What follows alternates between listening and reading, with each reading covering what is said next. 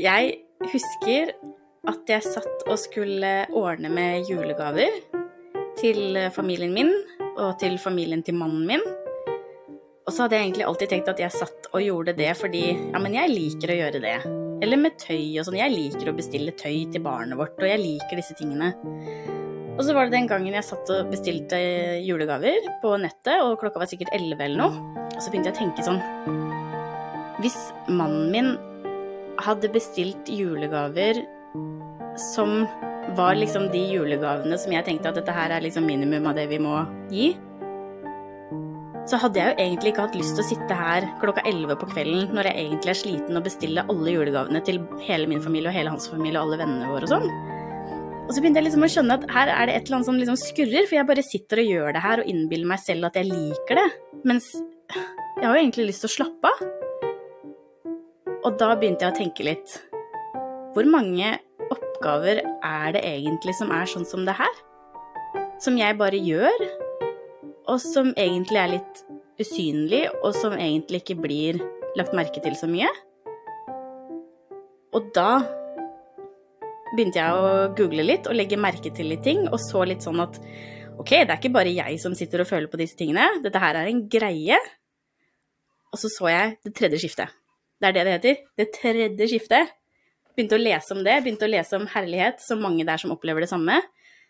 Så fikk jeg vite at det heter det tredje skiftet, fordi det første skiftet er visstnok at um, jobben din, lønnsarbeidet ditt, altså måten pengene kommer inn i familien.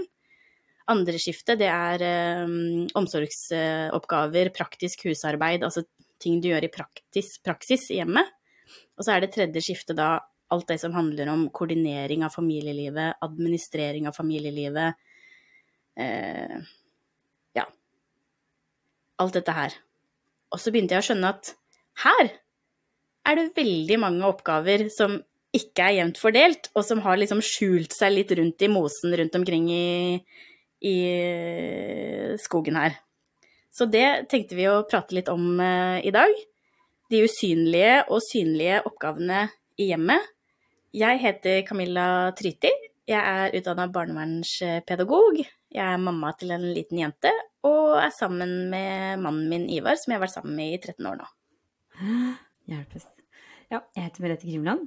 Um, jeg må pleie å spørre Tom Erik hvor lenge vi har vært sammen, for det husker jeg aldri. Men jeg tror det er 13 år oss også. Vi er gift og har to eh, barn.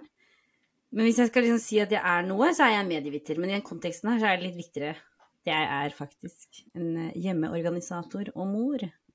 og ektefelle. Mm, stillings, stillingsbeskrivelse. Det er stillingsbeskrivelsen min her.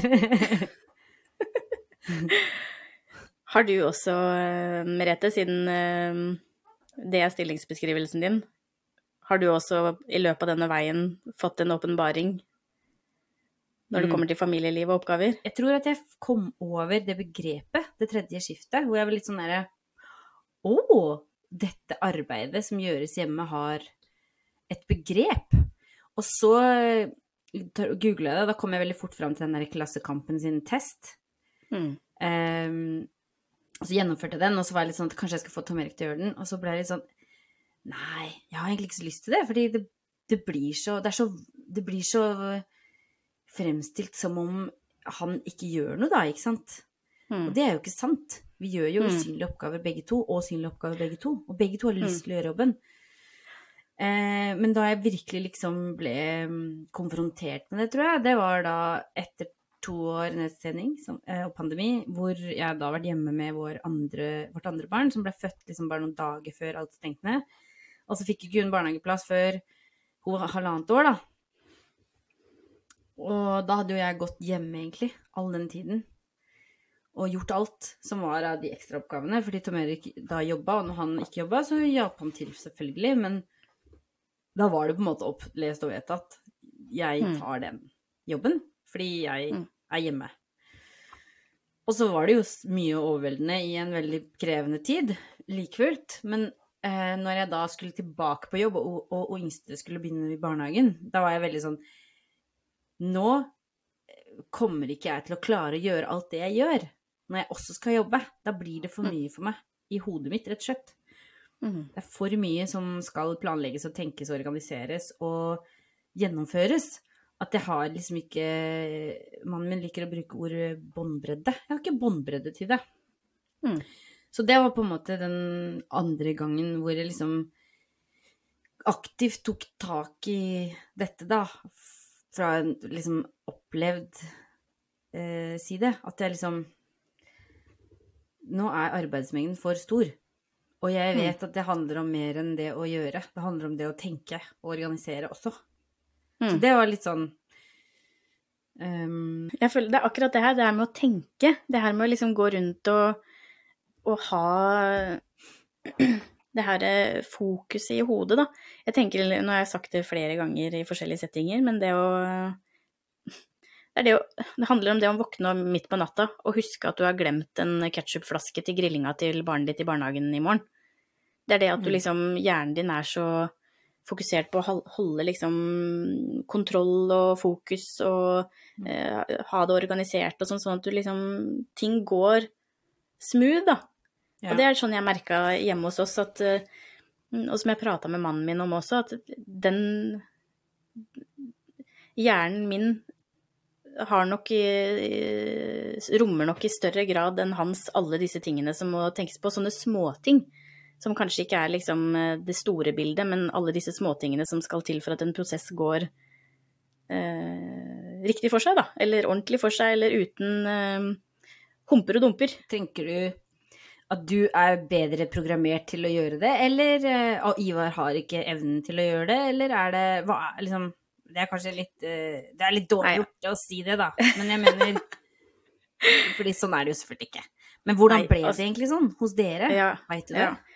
Ja, altså det er jo fordi uh, jeg kjente meg veldig igjen når jeg leste det her med at ofte så tar den ene parten fra starten av mye av kontrollen over disse tingene fordi det er gøy, rett og slett. Det kunne jeg kjenne meg igjen i. fordi når, når jeg eh, flytta i hus sammen med mannen min, og vi fikk barn og Så liksom, jeg syns det var koselig å liksom eh, fikse litt, sørge for at liksom hun hadde det bra, sørge for at mm, vi spiste ordentlig mat, og jeg var liksom interessert, da. Jeg var veldig interessert, så jeg tok jo mye kontroll over mange av disse tingene som da ofte havner under det tredje skiftet.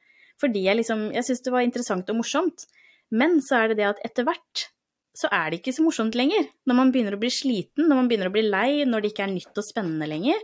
Men så har man da Eller jeg har da kommet inn i denne her eh, situasjonen hvor jeg kan veldig mye om det her, jeg har lært veldig mye om det her, jeg har hatt fokus på det her lenge, så hjernen min da er programmert til å gjøre dette her, fordi jeg har gjort det lenge.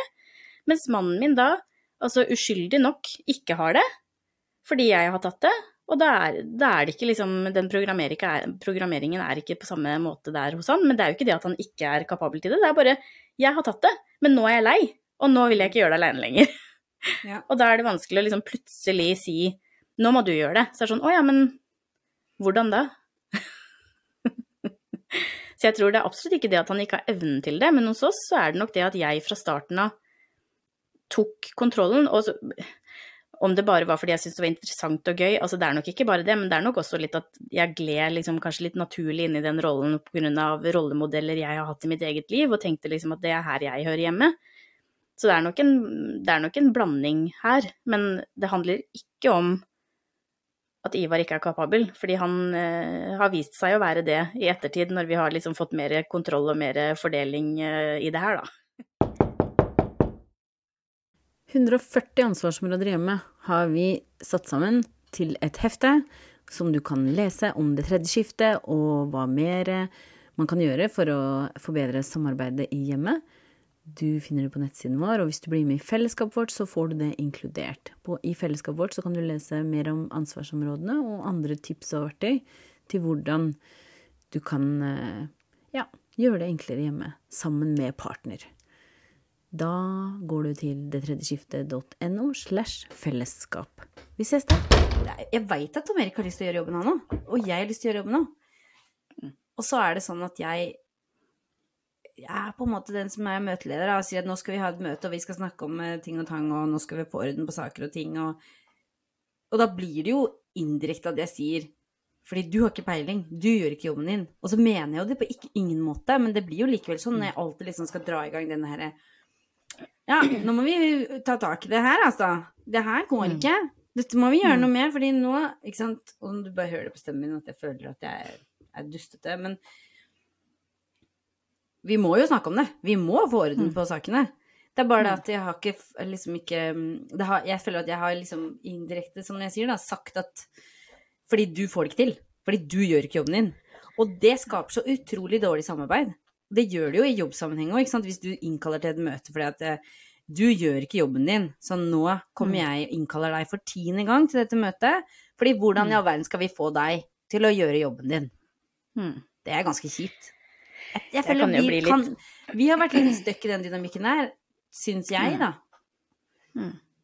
Så Jeg føler på min side at jeg nesten kan være litt eh, spydig til og med noen ganger. Fordi hvis jeg er sliten og lei og sånn, så kan jeg liksom være sånn ja, jeg får vel begynne å se på julegavene for eksempel, da. For Mm. ellers så blir det vel ikke noen julegaver i år. Det er juli. Ok. Ja, ja, ja, men altså, jeg vet ikke hvor mange du pleier å kjøpe julegaver til, men herregud, her må man begynne tidlig hos oss, i hvert fall. Nei, vi er fortsatt i desember, vi, altså. Men uh... Ja, ja. Nei, her er det full planlegging. Uh... Det, men det er mye fordi jeg orker ikke det stresset på slutten. Men vet du hva? Nå, det, I år så er det ikke jeg som skal ha Nå har jeg eh, lagd et system for at mannen min skal ta julegaven i år, faktisk. Så jeg skal Nice. ikke tenke på julegaver i år. Å, herregud. Ja. Ja, Men jeg kan bli litt sånn spydig med, med sånne ting. Men det er når jeg er sliten, da. Men eh, Altså, det er, jo, det, er, det er jo fordi jeg føler litt sånn at det kan være realiteten og realiteten òg, da. At hvis jeg ikke gjør det her nå, så, så blir det ikke gjort. Sånn eh, Ja, hvis jeg ikke kjøper noen julegaver, så og ikke sier noe mer om det, så er vi plutselig 24. desember da, og er på julemiddag hos eh, svigers, og så sier lille fetteren min ja, tante og onkel, hvor er julegaven fra dere da? Nei, jeg vet ikke. Yes. ah. Hva? Har du ikke fått den? Julegave? Ja, jeg Nei, skjønner. men det er eh, eh, Altså, jeg skal ikke hive mannen min under bussen, for han er en eh, Vi er veldig gode på å samarbeide på veldig mange ting. Men det er noen sånne ting som henger igjen fortsatt, som vi må jobbe litt med. Ja, fordi det som jeg tenker er viktig her, er jo å skille mellom hva som er det hva, Du sa det jo innledningsvis, at det er forskjell på hva som er det andre og det tredje skiftet. Det tredje skiftet er liksom tankevirksomheten, planlegging, organisering, koordinering. Typisk prosjektleder, kanskje? Eller daglig leder. Prosjektleder er bedre. Um, mens det andre skiftet, det er jo å gjennomføre oppgavene. Det er eksekvering. Så der tror jeg vi Det er ganske mange som egentlig opplever sjøl at de er ganske jevnt fordelt på det å faktisk gjøre jobben. Mm. Men at det er kanskje en em, Det er så usynlig, da. Jeg tror jeg leste et sted at de oppgavene som er en del av det tredje skiftet, de ser du egentlig ikke at blir gjort bra. Du Mm. ser bare at hvis det ikke blir gjort, Mm. at Ja. ungene dine kommer i barnehagen uten skift eller bleier eller solkrem, eller at eh, ja, ingen får julegaver, for eksempel, da, for det er ingen som har planlagt det. Og så er det jo Den er jo en kombinasjon da, av det tredje skiftet, planlegge hva du skal kjøpe, og så faktisk kjøpe det, på det som er det andre skiftet. Men Mm. jeg tror det er kanskje noe av den eh, det, kan opp, det er derfor jeg tenker at det kan oppleves veldig som kritikk da, når vi kommer på sidelinja, så eller hvis jeg sier da Men uh, vi må jo ordne et system her, for det er skjevfordeling i arbeidsoppgavene. Mm. Så vil jo det vil bli sånn Men vi gjør jo like mye, og til og med Jeg vaska hele huset på lørdag, liksom, mens du spilte i Minecraft med Viktor. Mm. Og da bare Ja, men eh, Nå har vi snakka ganske mye om det, da, så for Tom Eriksen del og min del så er vi veldig klar over hva det tredje skiftet består av. Mm. eh, uten tvil.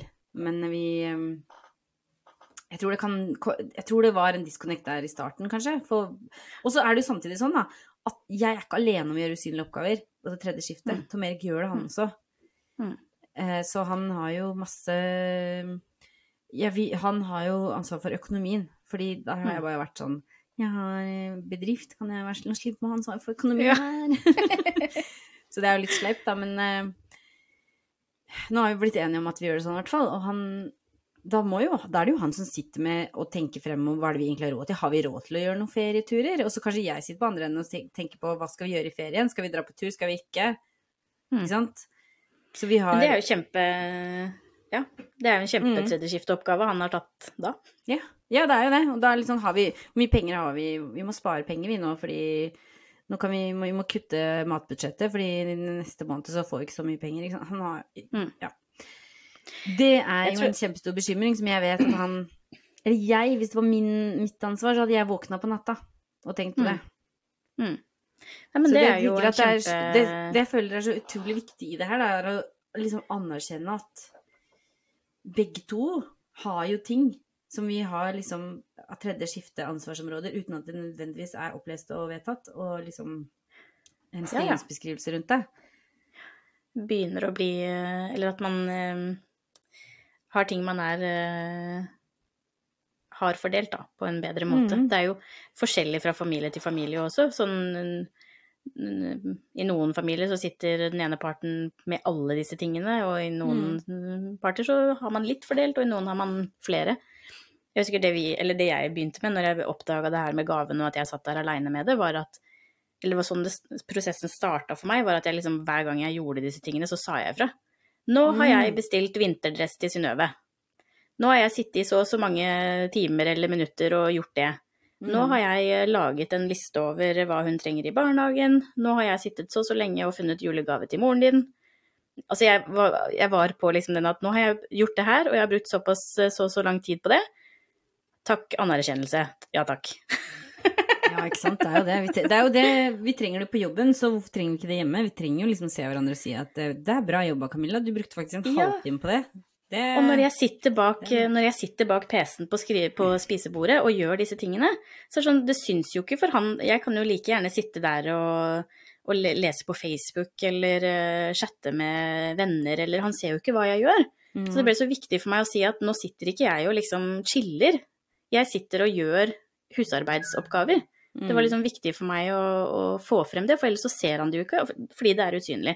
Så Mm. sånn begynte det for oss, med at jeg begynte å liksom vise han Nå har jeg brukt så og så lang tid på det, fordi det tar lang tid å finne en vinterdress. Det er ikke bare å liksom eh, Altså, man kan jo selvfølgelig bare gå og kjøpe en vinterdress og ikke tenke så mye over det, men jeg føler i hvert fall på et lite press om at det skal være god kvalitet, det skal liksom eh, eh, passe riktig, du må finne størrelser, noen ganger er det større enn det det står, når er det mindre enn det det står. Altså, det, det tar tid, da. Og det å bare si 'nå har jeg gjort det', jeg har brukt en time av min egen tid på å gjøre det her nå, nå vet du det.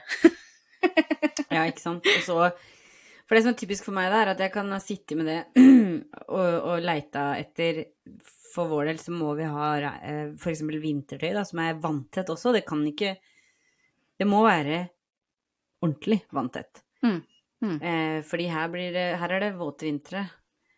Og Mm. da tok det Jeg brukte veldig, veldig lang tid på å finne de riktige dressene. Og så samtidig når jeg var ferdig, så hadde jeg fortsatt dårlig samvittighet, da, for det hadde jo ikke gjort klesvasken. Jeg hadde ikke tatt og hengt opp tøy, ikke sant. Mm. Mm. Så til, det, det handler egentlig mer om sammenligning, da, at det å faktisk gå og gjøre den jobben, det er mye synligere overfor den andre. Så det er en veldig god idé å si det at ja, nå har jeg brukt så mye tid på det, men så er det så innmari fort gjort likevel, da føler jeg at vi kan komme inn i en sånn derre Se så flink jeg var. Jeg brukte en time Mm. på det her. Mm. Sånn implied Hva har du gjort? Det blir Ja, men- sånn Jeg føler at det er så fort gjort at det blir sånn kjip tone, fordi ingen av partene føler seg sett, sett og hørt. På, Mm. eller, altså man får anerkjennelse da, på arbeidet man gjør. Mm.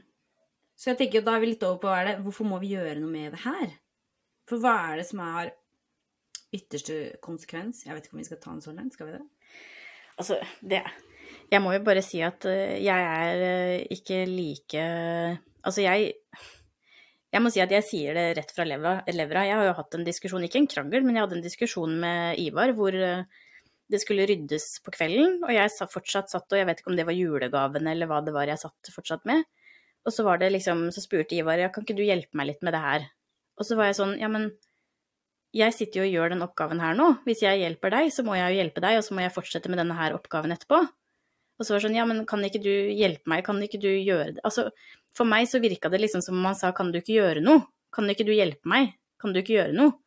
Og så merka jeg at jeg ble så frustrert, for jeg bare, ja, men dette her er jo en oppgave. Skal du gjøre den oppgaven, da? Eller liksom, hvor det, det, her, det her betyr jo bare at da må jeg gjøre, sitte enda lengre etterpå Mm. og gjøre det her. Så jeg syns egentlig at uh, det er liksom ikke greit. Det er ikke greit at, eh, at eh, man ikke kan si 'nå gjør jeg det her', og det er en faktisk oppgave, og da kan vi kanskje dele på klesvasken eller ryddinga eller et eller annet mer rettferdig etterpå, sånn at dette her blir tatt inn i beregninga? For jeg, jeg sitter jo med en følelse av at det er, mm, etter at jeg begynte å skjønne det her, da, at det er mektig urettferdig at vi skal dele likt på alle de andre skifteoppgavene som er å støvsuge og re opp senga og eh, skifte gudene vet hva. Og så skal jeg sitte liksom med disse tingene sånn på sidelinja etterpå. Jeg syns det er urettferdig, og det, det fører jo ikke noe godt med seg når den ene sitter og føler at ting er urettferdig. Nei, for da blir du jo egentlig sint. Og det er ikke så er det, Eller la meg være litt pedagogisk. Hva tenker du om det, Camilla, å snakke om disse tingene når man er sint? Det har jeg nulltoleranse for. Her hjemme så har vi litt sånn at vi skal ikke Hvis vi merker at vi begynner å bli sinte på hverandre, så skal vi det er, Altså, det er lov å være litt frustrert når man prater, men når vi er sinte på hverandre, så skal vi ikke fortsette diskusjonen. Da skal vi si at nå nå klarer jeg ikke å holde en konstruktiv samtale, nå må vi roe oss ned, og så må vi prate om det etterpå. Det har vi faktisk en regel på hjemme hos oss. Så jeg, jeg prater ikke med mannen min når jeg er skikkelig sint. Det hender noen ganger, men vi prøver å liksom unngå det veldig. Men har dere liksom en uskreven regel, eller har dere liksom noe dere sier til hverandre? At nå, nå kjenner jeg at jeg er skikkelig sint, så nå trenger jeg litt pause. Det er akkurat det vi sier. Vi har en uskreven regel, og det vi pleier å si er nå kjenner jeg at jeg er sint, nå kjenner jeg at jeg ikke klarer å liksom tenke konstruktivt, jeg klarer ikke å Jeg vet at jeg eh, kommer til å ha et bedre syn på det her hvis jeg får roe meg litt ned. Kan vi eh, avslutte nå, og så prate om det her seinere? Og det er alltid lurt, for når vi prater om det seinere, da, så enten så er det ikke noe mer å prate om, fordi begge to bare Dette her er jo ikke en issue, egentlig. Mm. Eller at når vi prater om det etterpå, så løser det seg bare så mye lettere, fordi man er ikke helt inni sitt eget eget hode. Helt utafor toleransevinduet. Men la meg være litt vanskeligere, da. Fordi jeg, dette er kjempebra tips du kommer med. Men hva om nettopp dette temaet, denne fordelingen av arbeidsoppgaver, av de synlige og usynlige oppgavene, det er det som gjør at vi blir sinte? Det er det som Mm. gjør at vi kan begynne å krangle? Men da er det jo at man eh, må prøve å eh, tilnærme seg det Altså, jeg tror aldri løsningen er å fortsette når man krangler. Men det er jo selvfølgelig Hvis bare man tar opp samtalen, så blir det krangel, så må man jo Altså, vi har jo prøvd skriving, for eksempel. Skrive til Mm. hverandre, skrive litt først for å roe seg ned. Jeg tror altså det viktigste er å komme til felles enighet om at vi må prøve å starte rolig, forståelsesfullt. Vi må ha respekt for hverandre, vi må prøve å se hverandre. Og at hvis vi merker at vi bare ikke klarer det, så må vi komme oss litt ut av situasjonen. Hvis man, hvis man er så fastlåst at man ikke klarer å prate om det i det hele tatt uten å At man ikke klarer å liksom innlede samtalen engang uten å krangle, så Jeg vet ikke, kanskje man må da, da, da vet ikke. Kanskje man må reise på en tur sammen, oppleve noe nytt, jeg vet ikke. En annen setting, kanskje man må få noe hjelp, jeg vet ikke. Kanskje du vet mer om det, Merete, jeg vet ikke mer. Nei, for jeg føler at Hvis vi begynner å snakke om at da, da må vi ha en tredjepart inn, at vi må på parterapi f.eks., da føler jeg at det er litt sånn Å, det her går feil vei. Mm. ikke fordi Og da mener jeg personlig. Mm. Er vi der liksom hvor vi må i parterapi? Mm. Og jeg tror også at det er mange som kanskje blir skikkelig lei av hverandre i en sånn Mm. her småbarnsfamiliesetting hvor det er overveldende mye som skal gjøres, samtidig som man skal liksom være så vanvittig god på å gjøre de riktige tingene som forelder, og du må lære deg masse nytt hele tiden. Og det er så, det er så overveldende. Nå har jeg aldri gått gjennom en så stor personlig forandring som etter at jeg ble mor. Mm. Fy Mm. faen. Unnskyld. Men det er jo det De sier jo det at det er flest par som går fra hverandre i småbarnsperioden. Det er jo ikke Mm. rart, syns jeg.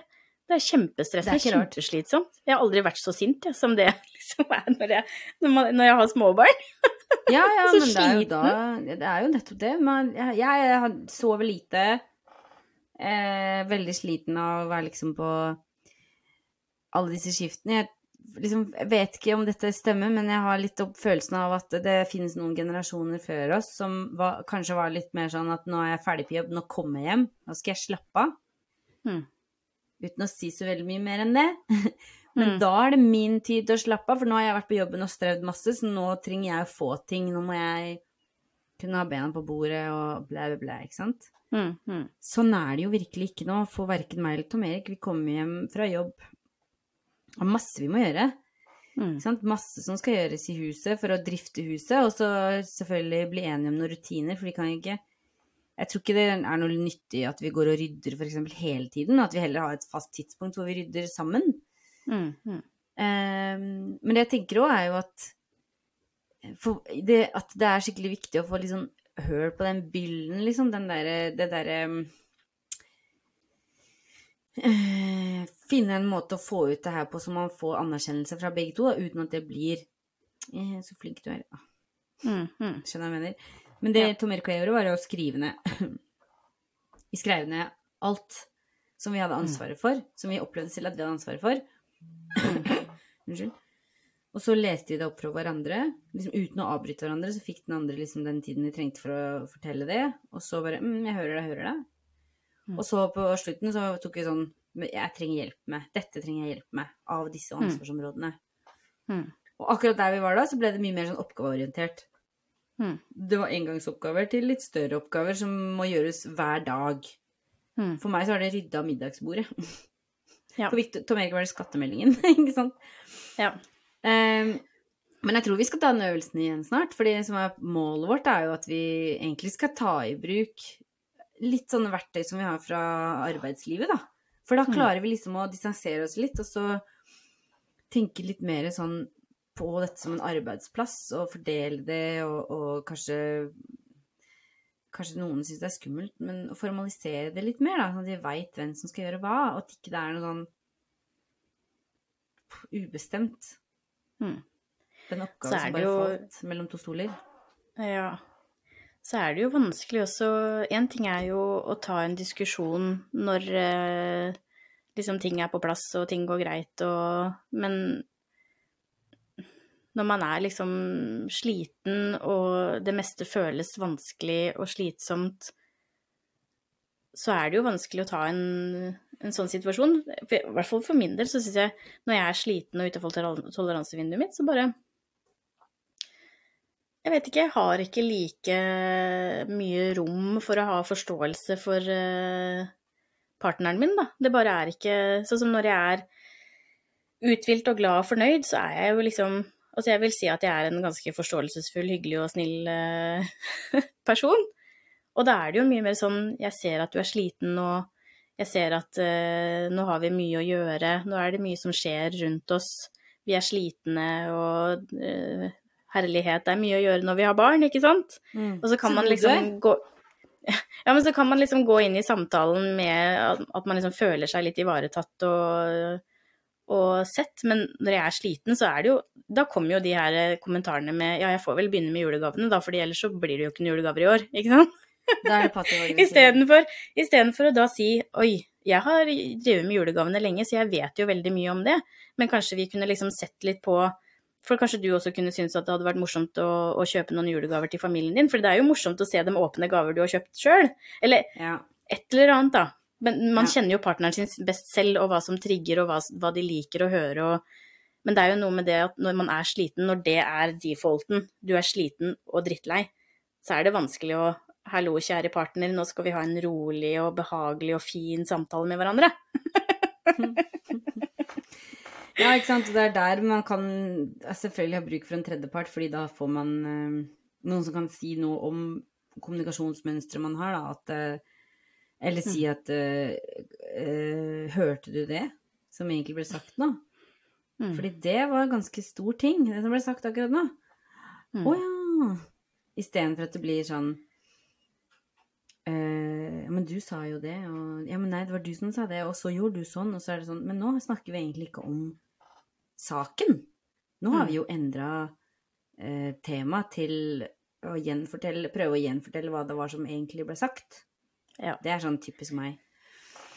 Og det er jo sånn man ofte gjør, føler jeg, at jeg ofte kan gjøre når jeg ikke er helt uh, uthvilt og Mm. til stede i meg selv, så går mange av eh, følelsene til mannen min meg hus forbi. Mange av de tingene han sier, går meg hus forbi, og så legger jeg ikke like merke til hvor liksom Hvor dum jeg selv kan være, da. Med eh, Altså, man kan jo være nedverdigende, ikke sant? Det er jo liksom eh, Ja. Nei, altså jeg Det beste er jo når man kan få til å ha den samtalen her når man ikke er sint, men når Ja. problemet er liksom det at uansett hvordan man nærmer seg det, så, så blir det vonde følelser. Da, har, da er det Altså, det, jeg vil jo ikke tenke at det er umulig, men da har man i hvert fall en litt sånn tyngre oppgave som man eh, kanskje først må prate om. Ja. Man må prate om at man har et problem, man må prate om det. Hvordan kan vi liksom eh, møte Ja. hverandre, se hverandre og skape en god, eh, et godt grunnlag for å begynne den samtalen her? Ja, jeg tenker at man må få sagt Eller jeg trenger å få sagt det jeg har Altså, jeg trenger å få sagt det jeg opplever at jeg har ansvaret for. Mm. Eh, og så trenger jeg å bli hørt på det. Mm. Eh, og så trenger jeg å gjøre det samme tilbake.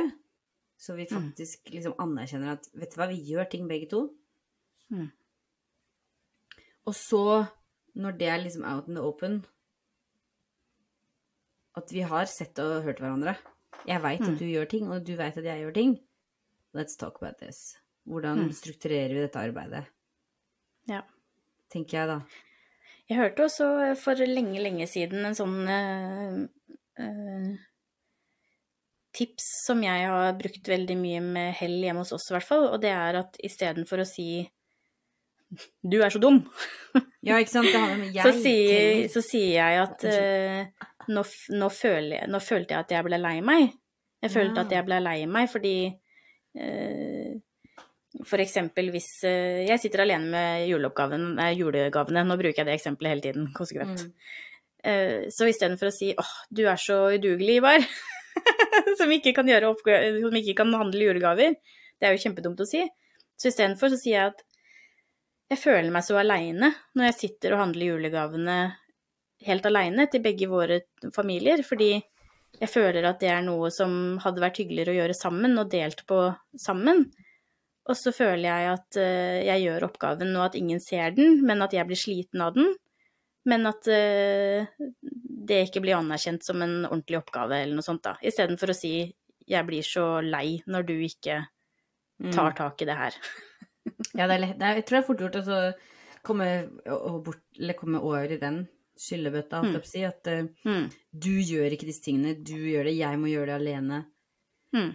Uh, men ja, ikke sant, at uh, vi må ah. Nei, vet du hva, dette her er Det er en stor greie, og det, er, Mm. og det virker så trivielt når man ser det utenfra, og det er liksom sånn Nei, du er sånn klagete og nevrotisk og stiller høye krav, og så er det litt sånn Mm. Nja mm. Jo, jeg kan hende jeg gjør det på noen ting, jeg kan være med på det, men det er ikke å f.eks. stille høye krav at uh, når ungen er tom for bleier i barnehagen, så tar vi det med dagen etter. Det er ikke så høye krav, det. Og dette er egentlig ikke et eksempel fra virkeligheten her hjemme, men, men på en Mm. måte. Ja. Uh, ja. Det der er Det er, eh, det er et vanskelig tema, og det er fort gjort å liksom blameskifte, da, tenker jeg. At det blir sånn derre Eller at man bare blir stående og ta imot, rett og slett, også, fra en som er kjempefrustrert, og ensom. For det er jo ensom man kan føle seg la, i Mm. disse, dette her arbeidet. Veldig. Men det er i hvert fall for min del har så mye å si hvis jeg bruker disse virkelig, liksom begrepene fra arbeidslivet inn i vår hverdag, så blir det bare Mm. et annet nivå da, vi snakker sammen på. Fordi Mm. vi kan, vi veit begge to godt at det er mye arbeid å gjøre. Men vi har også på en måte gitt det det språket, da. Sånn at vi liksom Mm. Nå er det eh, Vi må ha styremøte. Og så er det jo det som er eh, kjempefint for oss nå, er jo at nå skal jo vi ha fokus på hva kan vi gjøre? Hvordan kan Ja. vi få det bedre? Hvordan kan vi samarbeide bedre? Mm. Så det går jo bare oppover herfra. Ja, ja, ja. Uff, det ble det Dette, Vet du hva, det her går det an å gjøre noe med. Det er egentlig det viktigste. Det gjør det. Og jeg, jeg tror de fleste har lyst til å gjøre noe med det òg. Ja, det er ingen som har lyst til å ha det sånn. Men det er jo eh, vår mission nå. Vi skal få det bedre. Vi skal eh, finne ut av det. Skal vi si det sånn? Ja, vi gjør det. Takk for at dere hørte på. Ja. Ha en fin dag. Ses i Ha en fin dag. Ses i morgen. Ha det. Ha det.